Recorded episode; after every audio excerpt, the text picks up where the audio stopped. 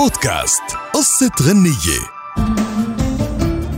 قصة أغنيتنا لليوم واحدة من روائع ما قدمت ألين خلف بمسيرتها رغم أنه هالأغنية ما كانت لإلها بالأساس. عنوان هالأغنية حاولت أنساك بمشوار عمرو دياب العديد من الأغنيات اللي كانت من المفترض أنه يغنيها ولكن ذهبت إلى أصوات أخرى لتصنع معه نجاحات مدوية. من بين هالأغاني أغنية حاولت أنساك للمطربة اللبنانية ألين خلف. هي من كلمات سامح العجمي ولحن أشرف سالم وتوزيع هاني يعقوب.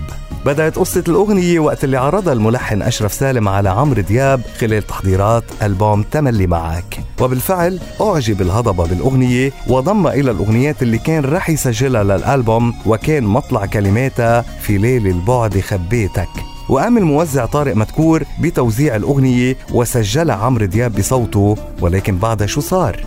مرت أشهر وعمرو دياب كان عم بيواصل التحضيرات للألبوم بالوقت ذاته بدأت في ألين خلف تحضيرات ألبومها الجديد وبيحكي الملحن الراحل أشرف سالم الواقعة في لقاء سابق وقال حسيت إنه عمرو دياب متردد تجاه الأغنية فهو ما حدد إذا كان رح يضمها للألبوم بشكل نهائي أو لا. وقبل طرح الألبوم بأيام عرفت إنه ما رح تكون بالألبوم. فسمعت الأغنية لإلين خلف وأعجبت فيها جدا واتفقنا على تغيير الكلمات وبالفعل أخذتها. المفاجأة إنه النسخة اللي سجلتها ألين خلف كانت من توزيع هاني يعقوب ولكن الغريب إنه توزيعه بدا نسخة طبق الأصل من النسخة اللي سجلها طارق مدكور خاصة بأصوات الجيتار الإسباني حتى إنه الأغنية بدت أقرب إلى روح الموسيقى اللي نفذها طارق مدكور بألبوم تملي معك للهضبة عمرو دياب.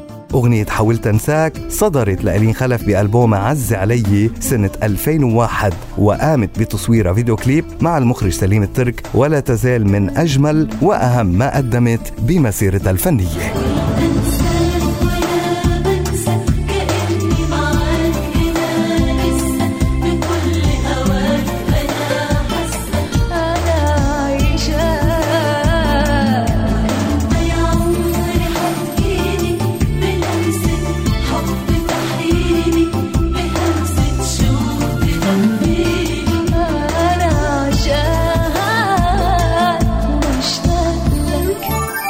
بودكاست قصة غنية.